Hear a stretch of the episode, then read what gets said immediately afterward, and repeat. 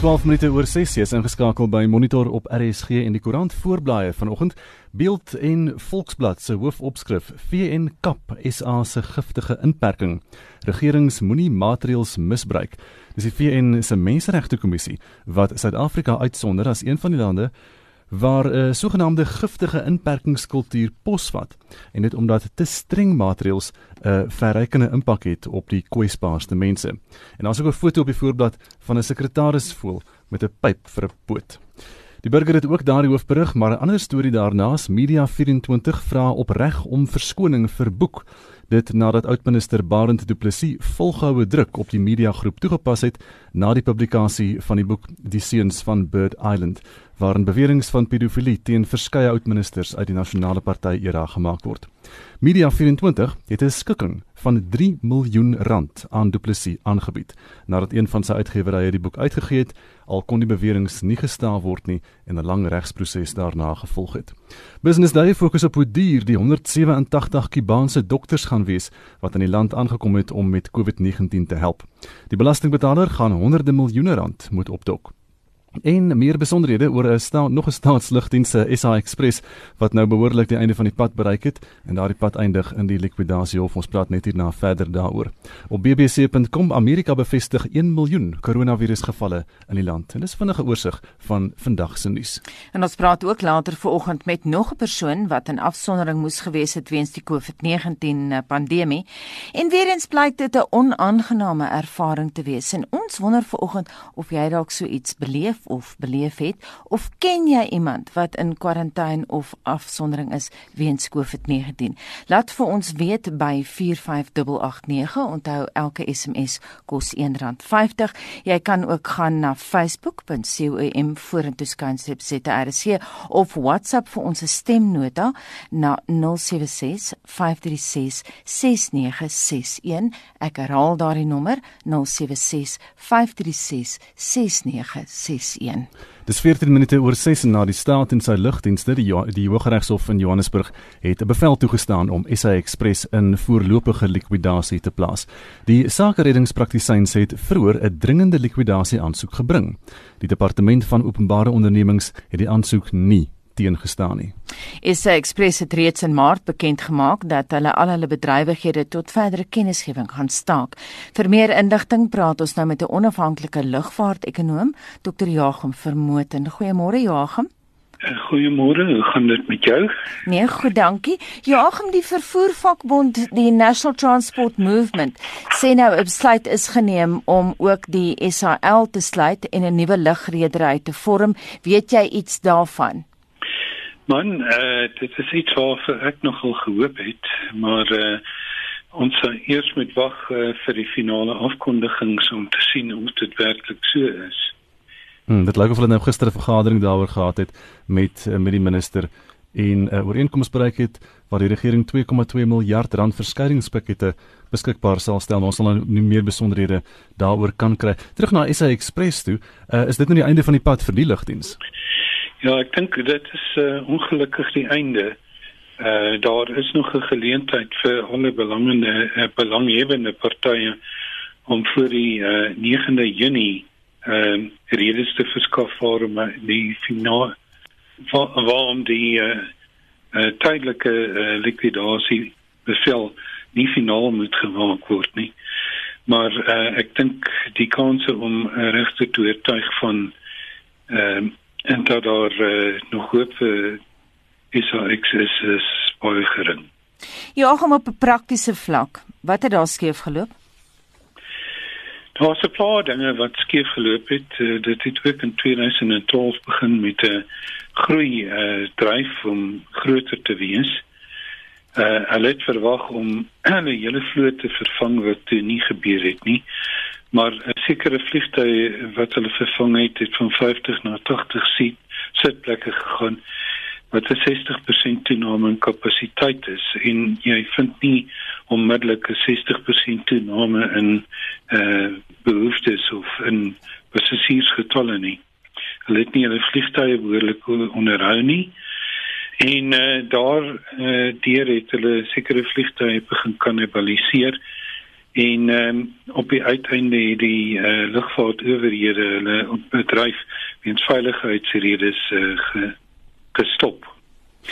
Eh uh, daarna het hulle weer begin en op daai stadium dink ek sou dit 'n goeie geleentheid gewees het om die saak behoorlik finansiëel en ekonomies te oorweeg want toe was daar nog bietjie fondse in die kitty vir uh, uh, afleggings. Maar uh, die her uh, loods van uh, seks het nie so goed afgeloop nie.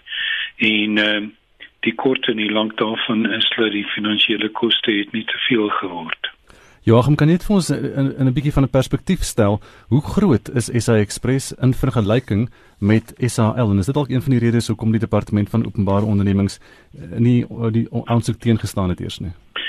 Hy sê 'n klein redery in terme van 'n getal vliegtuie, hy gebruik 50 tot 50 uh, tot 80 uh, sitplek vliegtuie die turboprops en dan ook uh, uh, jets, sogenaamde regional jets en hy uh, vlieg uh, op uh, kleine roetes en was gesien as 'n sogenaamde feeder lugdiens vir Israel. Hmm. Uh daardie klein roetes is uh, meerendeels binne Suid-Afrika, 'n paar buitelandse roetes, maar nie so baie nie. En uh, dit is natuurlik roetes wat sogenaamde dun uh behoefte roetes is uh, wat te klein is vir Israeliese toerusting om te bedryf. Mm die vakbonde sê nou ja, gaan hulle besin oor die pad vorentoe. Wat kan ons van hulle verwag? Wel, hulle kan jy weet uh, industriële aksie sal eintlik nie baie beteken nie want uh, die redery vlieg in elk geval nie meer nie. Ehm um, so ek dink die enigste wat hulle kan doen is 'n aansoek loods uh, om die likwidasie teen te staan maar dan gaan hulle 'n regter moet oortuig dat daar behoorlike fondse is om uh, die saak verder te kan bedryf. Joachim, wat sou vir jou die beste uitkoms wees nou met al hierdie onderhandelinge wat aan die gang is met met die SAL ook, want SA Express soos jy nou sê, dit is dit is direk betrokke by SAL ook. Ehm um, want hulle dit lyk of hulle 'n nuwe lugdiens wil begin. Is dit 'n moontlikheid? Is dit iets wat volhoubaar kan kan gebeur? Wel, daar's 'n voorbeeld, uh, daar's eintlik 'n paar voorbeelde daarvan, maar Uh, die eerste is die Swiss Air geval en die tweede ene is die uh, Sabina wat toe later Brussels lugdiens uh, geword het. Uh, uh, daar is twee textbook gevallen. Uh, in beide gevalle het dit uh, duidelik geword dat 'n uh, mens herlootsing van 'n lugdiens op 'n baie baie klein skaal moet doen. Hmm. In die geval van Swiss wat Swiss Air opgevolg het, het hulle in elkeen van die 5 jare wat daarna uh, plaasgevind het, verdere uh, inperkings moet doen in die bedryf moes afskaal omdat hulle met 'n te groot ehm uh, uh, operasie begin het en uh, uh kan verwag dat behalwe sogenaamde start-up losses of ehm uh, uh, dit 'n geruime tydjie vat vir uh publieke ondersteuning ehm uh, uh om weer gebruik te maak van so 'n lugdiens.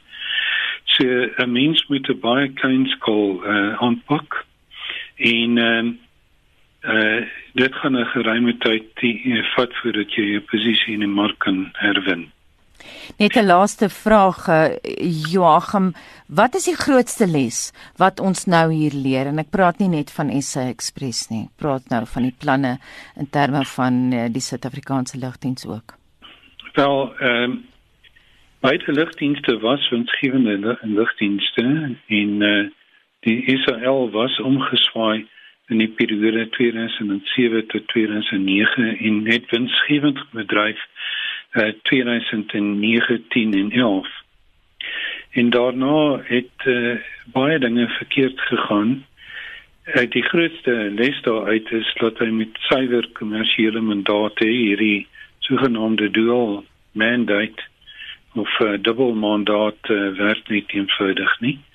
En uh, dan moet jy konsist uh, konstante uh, bestuur en direksie hê waarvan genoeg lede uh, lugvaart ondervinding het. Uh dan moet die mens ook uh, mense in diens hê wat integriteit het en wat sal nie toelaat dat hierdie uh tipe van aan uh, aankope plaasvind wat wel gebeur het in beide ISA en sekse geval. Dit hmm. is die uh, kerngoeders dan natuurlik wil hulle graag verantwoording hê in die parlement op uh, die uitreiking van finansiële state. Joachim baie dankie dan vanoggend dit was die onafhanklike lugvaart-ekonoom Dr Joachim Vermooten wat gepraat het oor SA Express.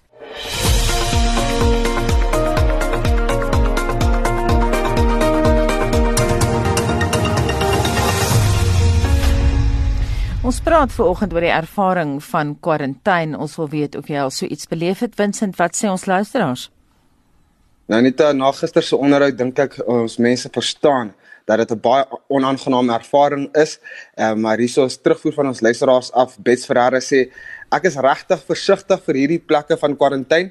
Dit klink vir my erger as gevangenis. Daar is geen kontak met jou mense nie. So niemand gaan weet as jy swak behandeling kry nie. Ehm um, dit is vreesaanjaend as jy my vra, sê Besferre. Willem jou maat sê die virus is oral en so is my God.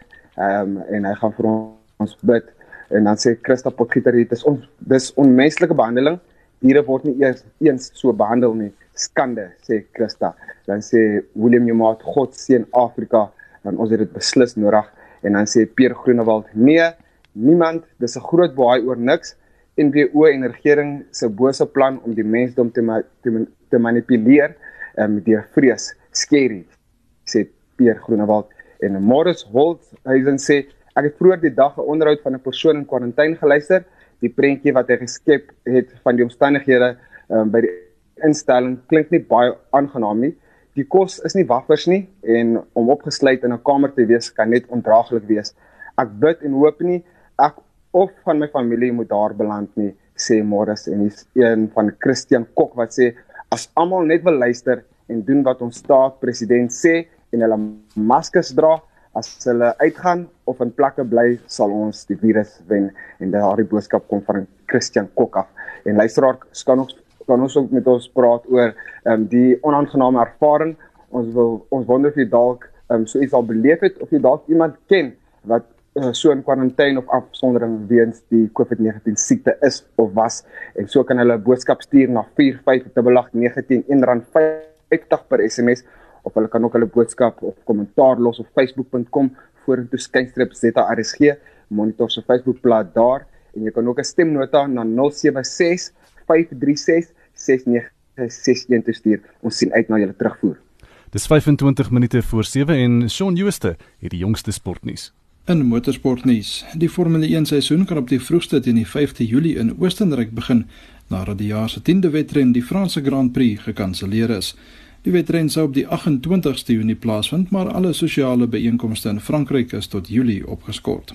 Organiseerders van die Britse Grand Prix wat by Silverstone gejaag word, het kort daarna aangekondig dat vanjaar se wedren op die 19de Julie ongelukkig nie voor toeskouers sal plaasvind nie. Die McLaren groep het bevestig dat hulle finansiële inspuiting van 300 miljoen pond, byna 7 miljard rand, van hul aandeelhouers ontvang het om die span deur die koronaviruspandemie te help.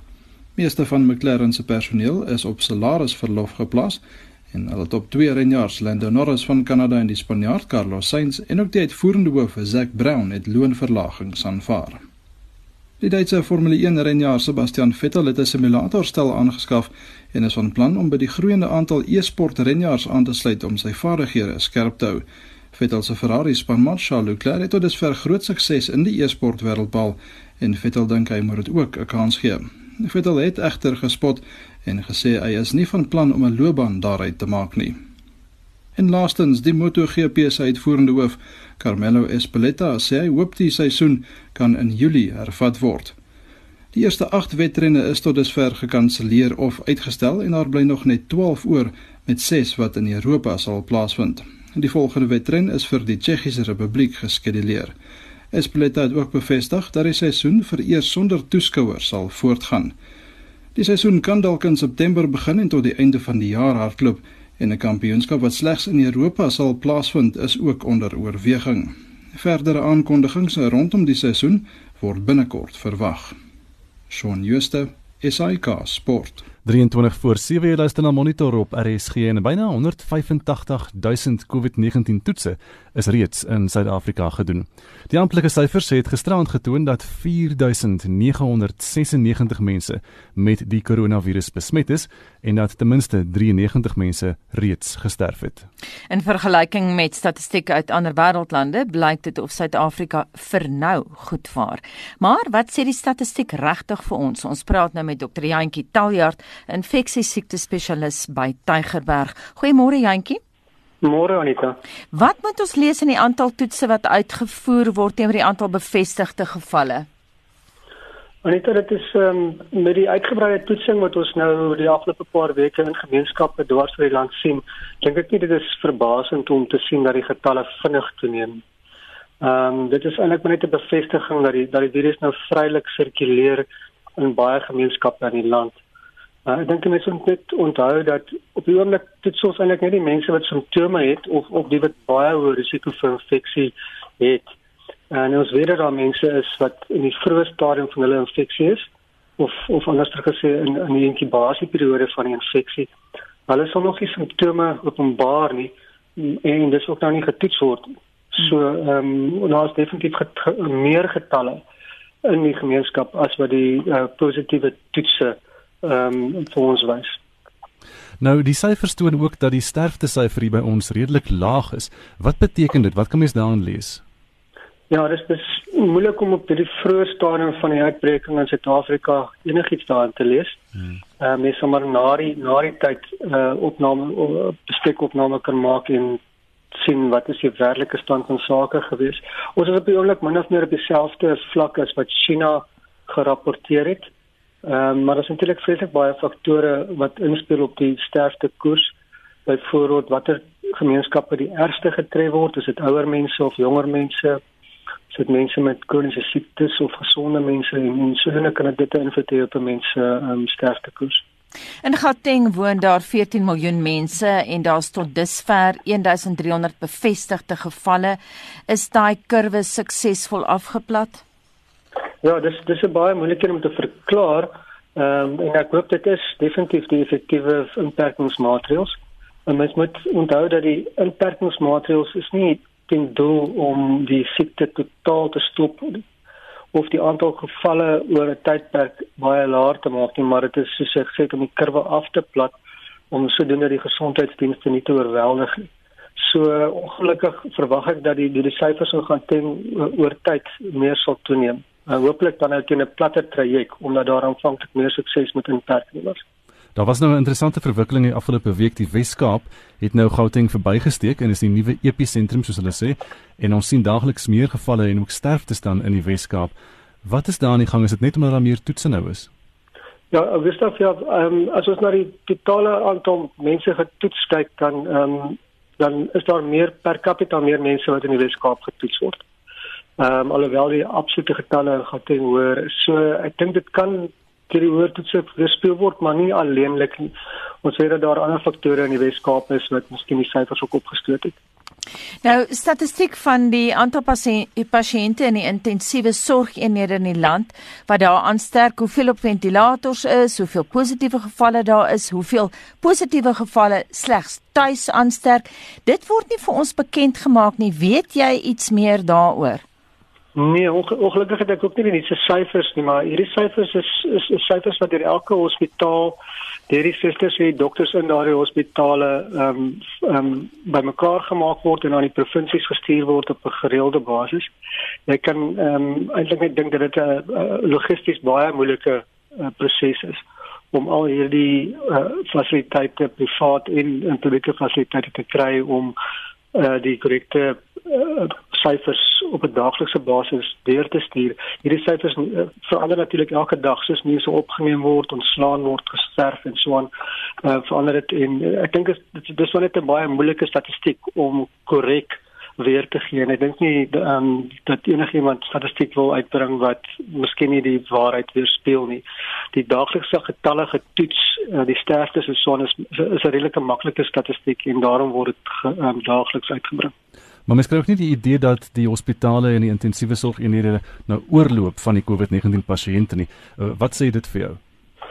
Ja, ons ons verwag as mens kyk na ander lande so ongeveer 15 tot 20% van alle opnames af van alle mense met infeksie ehm um, word hospitaliseer. Elke land het natuurlik sy eie kriteria vir hospitalisasie, so dit is gevaarlik om na daai syfers te kyk en dit en dit 100% aanvaar. Maar ek ek dink dis eintlik maar net te vroeg nog om om om te weet wat in Suid-Afrika gaan gebeur. Ons moet wag vir die ehm um, epidemie om nou um, te ontvou sodat ons 'n duideliker prentjie kan kry as ons die tyd aanstap. Is jy dit nog eens met medisy wat sê ons gaan ons uh, piek bereik in September? Ja, nee, ek kan ehm um, ongelukkig nie ehm um, daaroor uitbrei nie. Ek kan nie regtig sê nie, dis maar 'n raaiskoot. Ek ek sou raai dat dit nie so teen mid laat winter miskien sal wees. Ehm um, maar dit is moeilik om te sê. Maar jy glo piek is nog op pad. O ja, definitief. Hmm. Ek dink dit is dit is redelik logies om vir die hand liggend en um, hoe erg dit gaan wees en vir hoe lank dit gaan aanhou is 'n kritiese vraag waarop ons nog nie duidelike antwoorde het nie. En dan is daar geen manier om te sê hoeveel uh, sterftes of daarna verwagting sal wees dan nou in die volgende paar maande nie. Nee, dit is baie moeilik. Ek dink dit hang af van hoe baie mense ons gaan toets, want hoe meer mense jy positief toets, ehm um, hoe, hoe laer gaan jou sterftesyfer eintlik, want jy het nou meer meer pasiënte wat positief getoets is. So toetsing daarbey, want dan weet jy wat die regte aantal die persentasie van mense is wat doodgegaan het van die regte aantal infeksies. Maar soos ek gesê het, ons onderskat gewoonlik die aantal infeksies en daarom oorskat ons dit ons die mortaliteit. Julle gebruik nou spesifieke modelle om sekere voorspellings te probeer maak. Hoe werk daai modelle? Is dit geskoei op 'n internasionale voorbeeld? Ja, dis dis moeilik, dis nie regtig my area van ekspertise nie. Maar ehm um, soos ek verstaan, is daar 'n wetenskaplike maniere hoe hierdie voorspellingsmodelle gemaak word. Dit word gewoonlik gebaseer op paar aannames en soms op op 'n paar feite ook wat ons weet van die gedrag van die virus, uh die spesifieke populasie waarin die virus sirkuleer en dan ook hoe hierdie faktore op mekaar inspel. Ehm um, daar word onder andere gekyk na die aanvalskoers, hoeveel mense ehm um, persentasie gewys in aangeval word deur die virus in 'n spesifieke tydperk. Die reproduktiewe koers wat ons hoeveel een persoon, hoeveel mense een persoon kan aansteek um, en dan ook na die sterftekoers in verskillende lande en ander faktore wat ou natuurlik nie kan ignoreer nie is dinge soos die sosio-ekonomiese omstandighede spesifiek spesifieke mediese stelsel in die land um, en dan um, soos ek gesê het uh, die spesifieke populasies wat aangetast word oud of jong gesond en so aan Jy het vroeër verwys na die gemeenskaps die die virus is nou in die gemeenskap. Uh, kom skets ons daai prentjie presies van aan die begin was dit nou die mense wat van hulle Italiaanse skiervakansies af teruggekom het en ons kan aanneem dat daardie daardie geslag van 'n kampersien nou gesond geraak het intussen. As jy sê dit is in dit is in die gemeenskap, watter gemeenskap? Waar in in die stede, in die voorstede, in die townships, waar dink jy is dit? Ja, by by verre die meeste amper amper 90% van al die gevalle kom voor in die metropole in die land.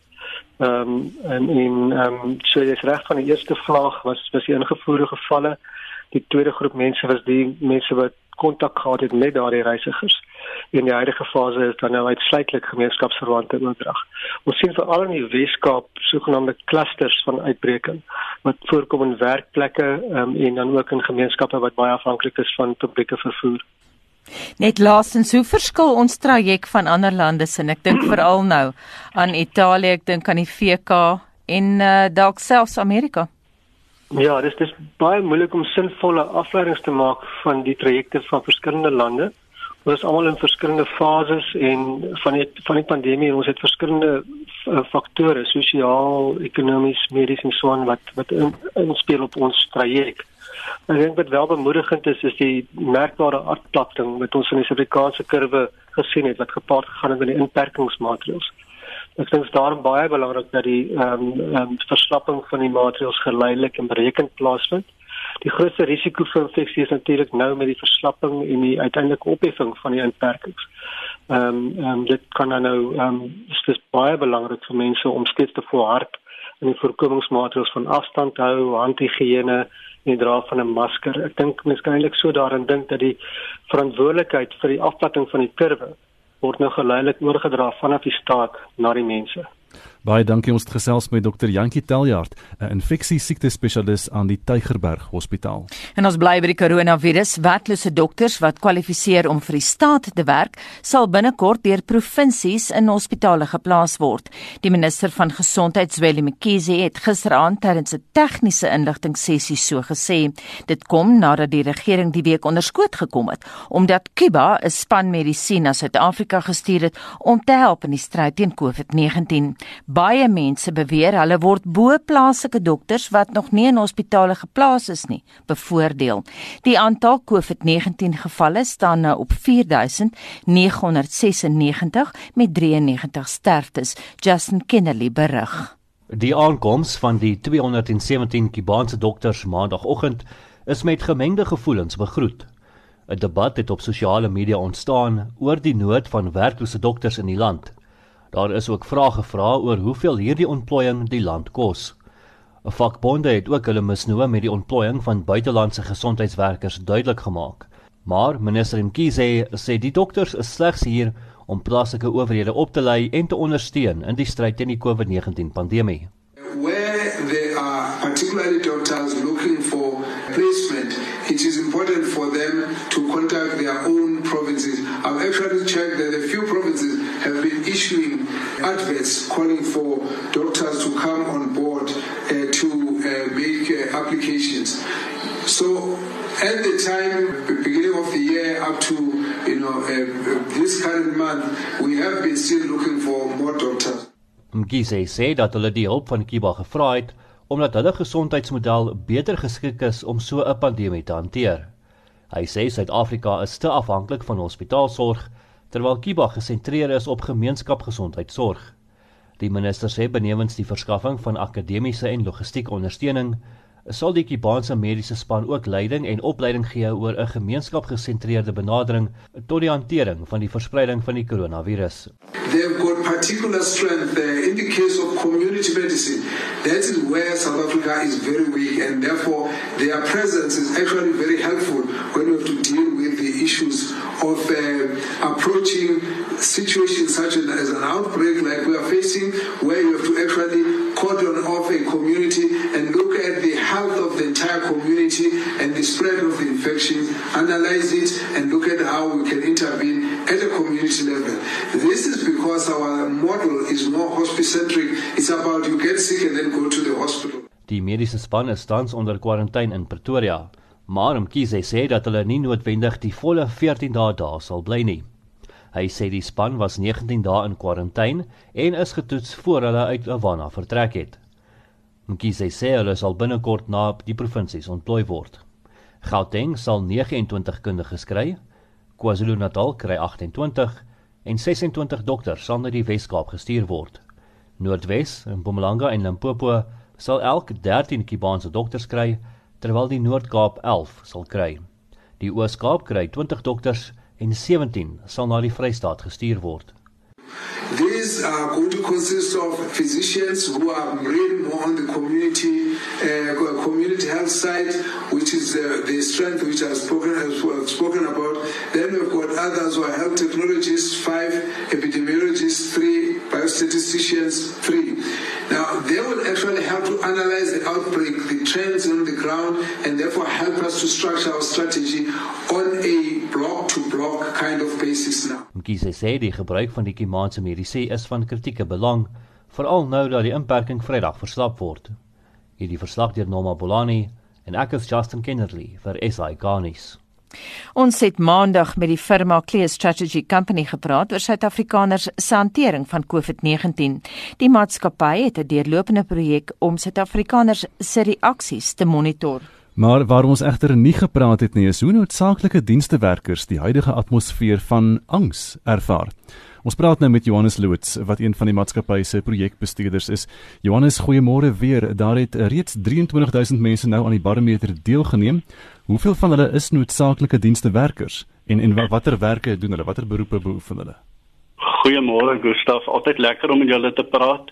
Ons het so 2512 uh, noodsaaklike dienstewerkers gekry wat deelgeneem het waarvan so 65% rolweg ehm um, vroue is en dan in die ouderdomskategorie uh 35 tot 54 is die meeste van hulle.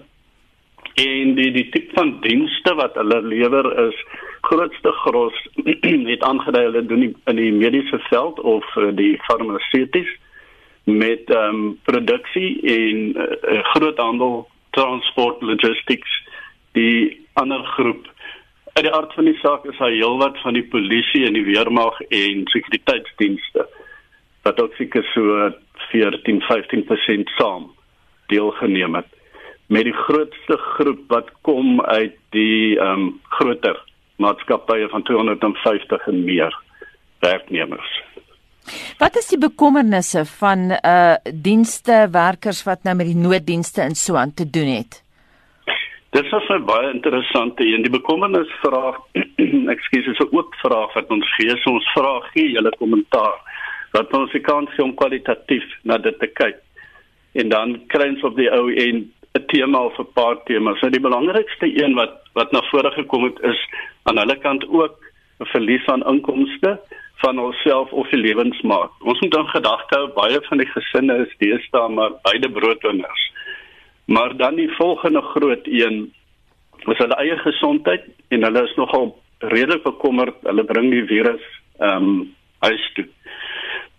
En sommige dit dan ook die kinders en die die lewensmaat wat ehm um, beïnvloed kan word. Maar dan kom 'n baie amper altruïstiese een na vore wat hulle redelik bekommerd is oor ander mense, oor hulle inkomste en hulle kos. Wat eintlik nogal merkwaardig is vir die mate van stres waaronder hulle is. Hulle is ook bekommerd dat baie mense nie hou by die by die inperking en die grendelreëls nie en uit die aard van die saak die uh crime die die die um wat om hier saam gaan. En en dan is daar heel wat wat ook aangedui die kinders in in die skool en die opleiding omdat baie van hulle nou werk, is die kinders by die huis en hulle moet op 'n manier dit hanteer. So hulle is nogal redelik bekommerd daaroor. So as jy hulle vergelyk as jy daardie uh, komponent van noodsaaklike dienswerkers neem en jy vergelyk hulle met die groter pool mense, die respondente wat deelgeneem het aan die studie, ehm um, hoe verskil hulle angs dan nou van die res van die mense? Op die, uh, op ons gegevens wat ons kry, is dit nou nogal die gewone angs rondom die virus is baie dieselfde maar waar die verskil inkom is hulle angs rondom die inkomste gedeelte is bietjie laer. Maar wat ons wel gedoen het en gekry het is ons vra so sewe vrae of ag vrae rondom spesifieke gebeurtenisse of spesifieke toestande wanneer jy angstig raak. En dit sluit in voel jy gespanne en angstig. Um, ek kan nie ophou bekommerd wees nie. Ek is te veel bekommerd oor verskeie dinge en probleme om te ontspan, rusteloosheid, geïrriteerdheid, 'n hele lysie van die. En wat vir ons kommerwekkend is, is dat baie van hulle aangedui het en dat hulle aan die aan die verkeerde kant amper van hierdie middel middellyn is. Met ander woorde, hierdie is goed dat al sy impak het op dit wat jy doen op jou daaglikse lewe, op jou werk. En vir my 'n bekommernis dat hierdie mense werk onder geweldige druk en hulle sê dit ook vir jou in van van die opmerkings. Waar hulle ook tekort het aan ehm um, persoonlike toerusting en goed maar steeds gaan hulle maar net aan. Baie maar daar's ook positiwiteit by hulle. Maar vir die bekommernis ekskuus ehm um, Anita is wat doen ons rondom die die stres wat hulle ervaar. Is daar enige ondersteuning vir hulle? Baie dankie die man wat daai vraag vra, Johannes Loots, projekbestuurder by die firma Clear Strategy Company. So 4 minute voor 7 en die minister van klein sake ontwikkeling, Kombutso Ntshavheni, sê haar departement het 230 miljoen rand bewillig om klein sake te ondersteun. Sy waarsku egter dat die begroting daarvoor dalk te klein is.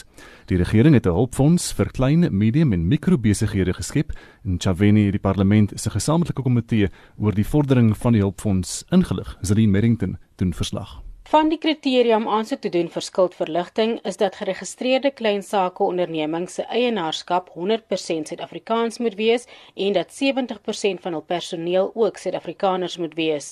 Tot dusver het die departement sowat 17000 aansoeke verwerk.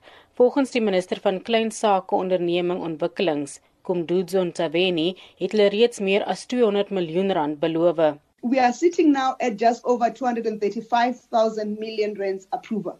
which means we are only short, which we can do because nowadays on a day we are doing an average of 100, 100 and 150 million rands. We will reach the threshold within the next three days of, for exhausting the 530 million rand scheme. Sy sê dit is lenings wat uiteindelik terugbetaal moet word.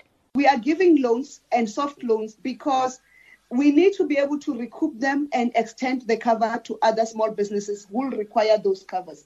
And uh, and that's why we we're giving soft loans. And why we give soft loans is that we accept that some businesses may not be able to survive this so we should be able to have a, a treatment mechanism of the soft loans so that those businesses that are not able to survive beyond this period do not in owners do not carry the burden of a business that has failed not because of their own but because of the current situation facing us Sommige politieke partye het aangedui dat hulle die vereiste vir breë gebaseerde swart ekonomiese bemagtiging in die hof sal uitdaag, maar Ntsabeni het gesê dis belangrik vir transformasie. Triple B is a requirement or is a fundamental requirement for transforming the economy of this country. We cannot choose as and when we use it. Triple BE is a critical requirement. We need South Africans, all of us, to own and have a share in the economy of the country.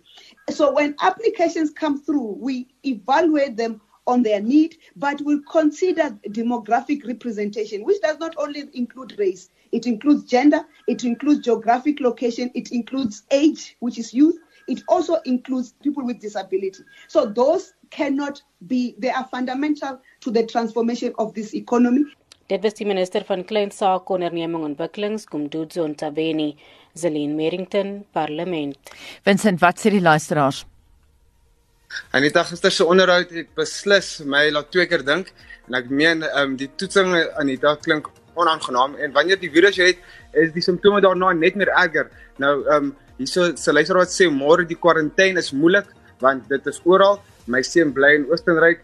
Ek sukkel om hom in die hande te kry. Sy foon lei net en ek kan hom ook nie um, in die hande kry nie sê die luisteraar. En uh, hy sê iets uit ons uit ons SMS lyn uit. Ouete huise inperking verskil verskil almal en veroorsaak verwarring by bejaardes en maak hulle depressief oor geen kontak met kinders nie en dit is sleg vir haar.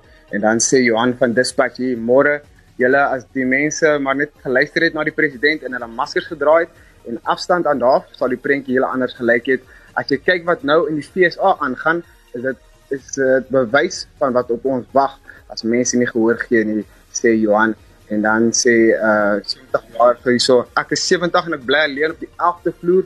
Die gebou is doodstil, geen kontak nie. Dis ek sê en dit van Durban hierso. En ons wil ook dan um, ons kry geweldige vrae oor die baanse dokters wat nou in die land is. Ons wil dus ook ehm um, jy weet verder by ons luisteraars hoor, dink hulle dit is 'n goeie idee dat hierdie dokters by ons is om ons te help. So hulle kan hulle terugvoer na 45889 toe stuur teen R1.50 per SMS of gesels saam op Facebook en hulle kan ook 'n stemnota stuur.